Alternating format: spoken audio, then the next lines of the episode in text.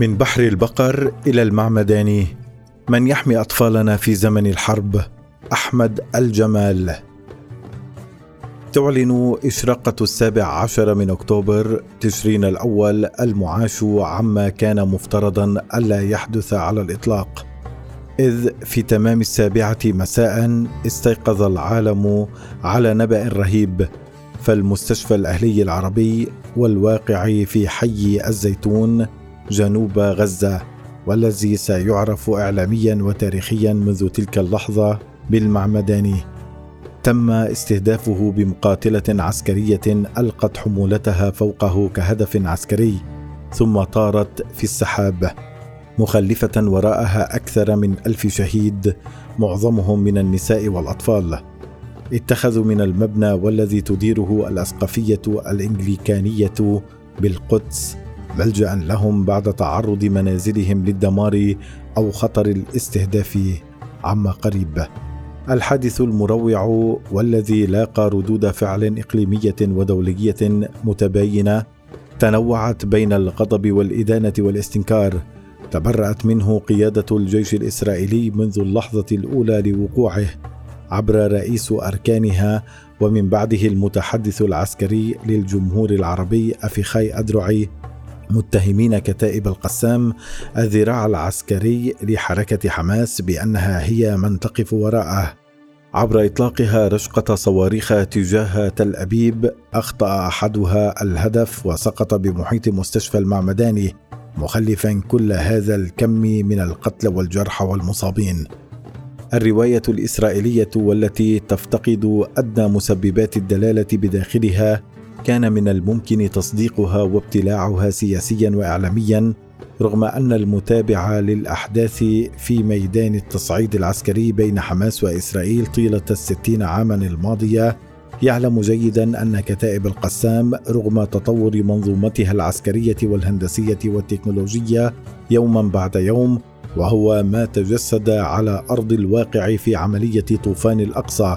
لا تمتلك صواريخ ذات قدرة تدميرية عالية يمكنها أن تخلف كل هذا الدمار الذي حدث بالمشفى المعمداني.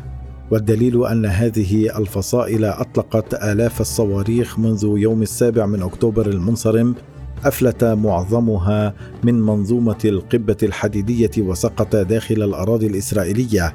ولم تحدث مثل هذه الخسائر سواء في الأرواح أو المنشآت. غير أن التاريخ والسوابق العسكرية في استهداف منشآت مدنية وإنسانية ذات صبغة أخلاقية كالمدارس والمستشفيات لا تنصف ابدا ادعاء الجيش الإسرائيلي الأخير.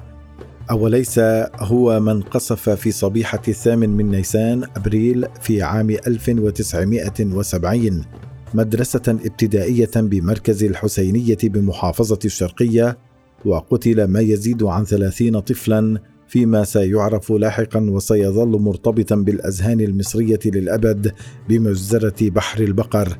ثم خرجت بعدها وزارة الدفاع الإسرائيلية وقالت إنها كانت لا تقصد ضرب مدرسة الأطفال بل إن المعلومات الاستخباراتية أكدت أن هذا المبنى هو منشأة عسكرية يستخدمها الجيش المصري لتنفيذ عمليات فدائية ضد القوات الإسرائيلية المتواجدة غرب القناة. فهل عندما قصفت إسرائيل مدرسة بحر البقر كانت لا تعلم أنها مدرسة برغم أن كل شيء حولها كان يوحي أنها مدرسة الأطفال وسار العلم وطابور الصباح. هكذا إسرائيل في الحروب تقتل الأطفال لتزرع بداخل الجيل الجديد الخوف والقلق والعجز وشيء من تأرجح اليقين استهداف المدنيين كحل عسكري. كرامة الجيش الإسرائيلي تمنعه من طلب الهدنة من الأعداء عليه أن يفرضها هو مهما اقتضى الأمر لذلك. مناحم بيجن رئيس وزراء إسرائيل الأسبق في الثامن من نيسان أبريل 1970 ألقت الطائرات الإسرائيلية حمولة تزن ألف رطل من المتفجرات فوق مدرسة ابتدائية مصرية راح ضحيتها أكثر من ثلاثين طفلا لا تزيد أعمارهم عن ست سنوات دون أي ذنب إلا كونهم اطفالا في زمن الحرب. ربما التشابه الحاد بين الواقعتين واللتين دخلتا التاريخ من باب الكوارث الإنسانية رغم التفاوت الزمني فيما بينهما يكمن في أن مرتكب الفعلتين واحد وهو الجيش الإسرائيلي والظرف الزمني واحد الحرب. بل والضحية واحدة. أغلب الذين قتلوا في الحادثتين من الأطفال.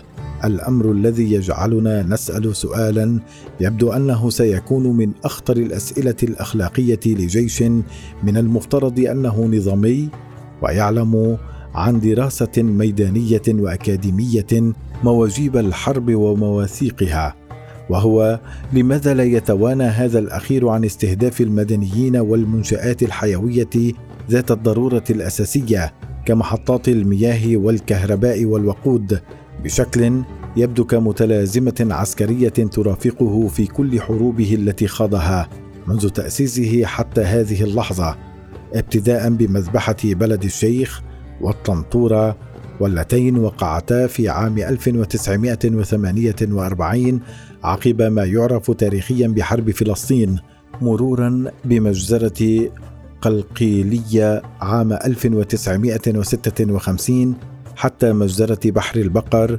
ونهاية بحادث يوم الثلاثاء الماضي باستهداف مستشفى المعمداني.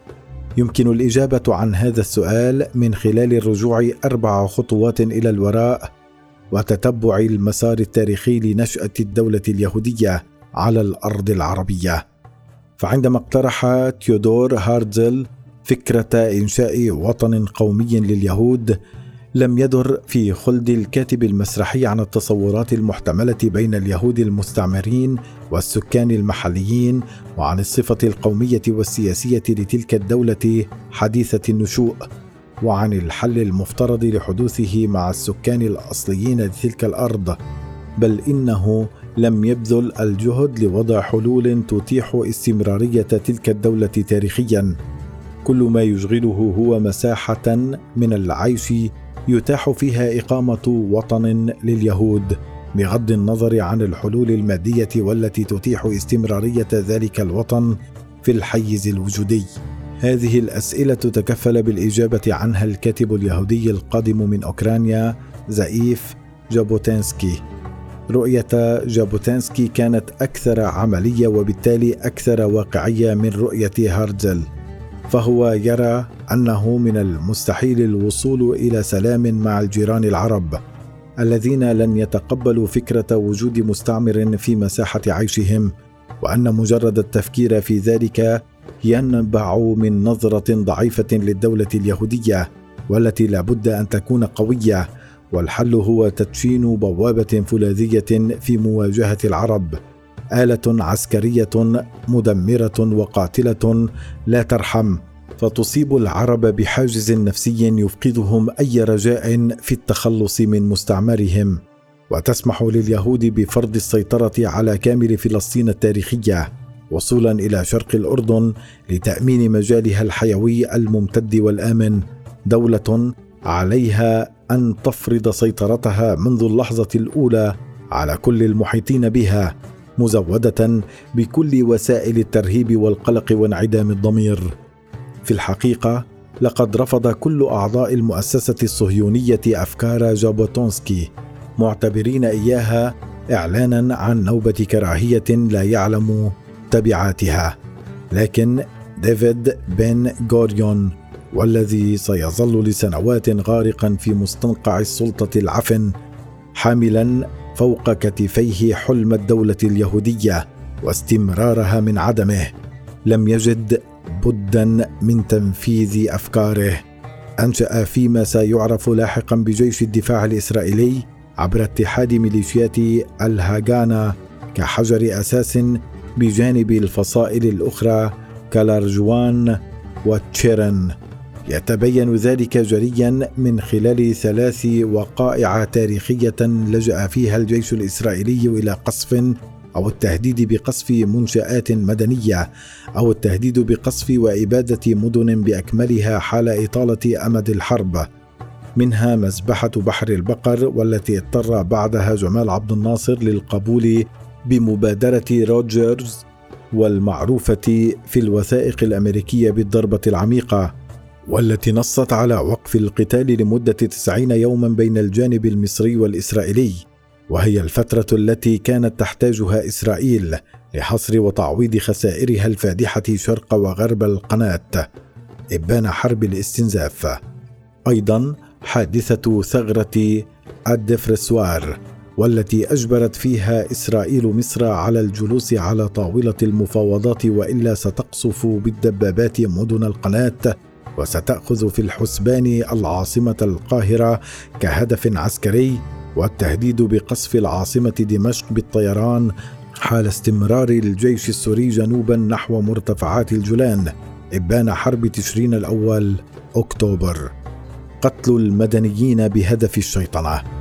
منذ استفاقت إسرائيل بكل مؤسساتها المدنية والعسكرية من صدمة السابع من أكتوبر متأخرة قرابة الست ساعات على التحرك الفعلي لاحتواء الكارثة أو حتى مجاراتها على الأرض فإن التصريحات التي أدلى بها بعض المسؤولين في إسرائيل قبل ساعات قليلة من بدء ما يسمى بمعركة السيوف الحديدية على قطاع غزة كانت تندرج تحت مسمى تدمير حركة حماس عسكريا واخلاقيا بمعنى أنه يمكن لهذه الحرب تحديدا أن تأخذ محورا فلسفيا بجانب مجرياتها العسكرية والعملياتية. يتضح ذلك من خلال تصريح وزير الدفاع الإسرائيلي يواف جالونت يوم العاشر من تشرين الأول أكتوبر أي بعد ثلاثة أيام من الحرب على غزة بأن الجيش الإسرائيلي سينفذ في هذه الحرب كل الوسائل المتاحة لإضعاف حماس عسكريا وشعبيا. قال جالونت خلال زيارته لبعض الجنود في قاعدة عسكرية بغلاف غزة إن قوة حماس تكمن في أنها تعمل تحت ستار مأهول بالسكان بمعنى أنها تستمد قوتها من حيزها الديموغرافي وليس الجغرافي. هذه الكلمات والتي يمكن فك شفرتها بالقول إن جالونت يريد تكثيف الضربات على المدنيين وقتل أكبر عدد منهم بهدف إلقاء اللوم على حركة حماس وضربها شعبيا في قطاع غزة. انفضاض سكان القطاع من حولها أو مطالبتهم بالخروج من القطاع لتفادي كوارث إنسانية أخرى قد يقدم عليها الاحتلال.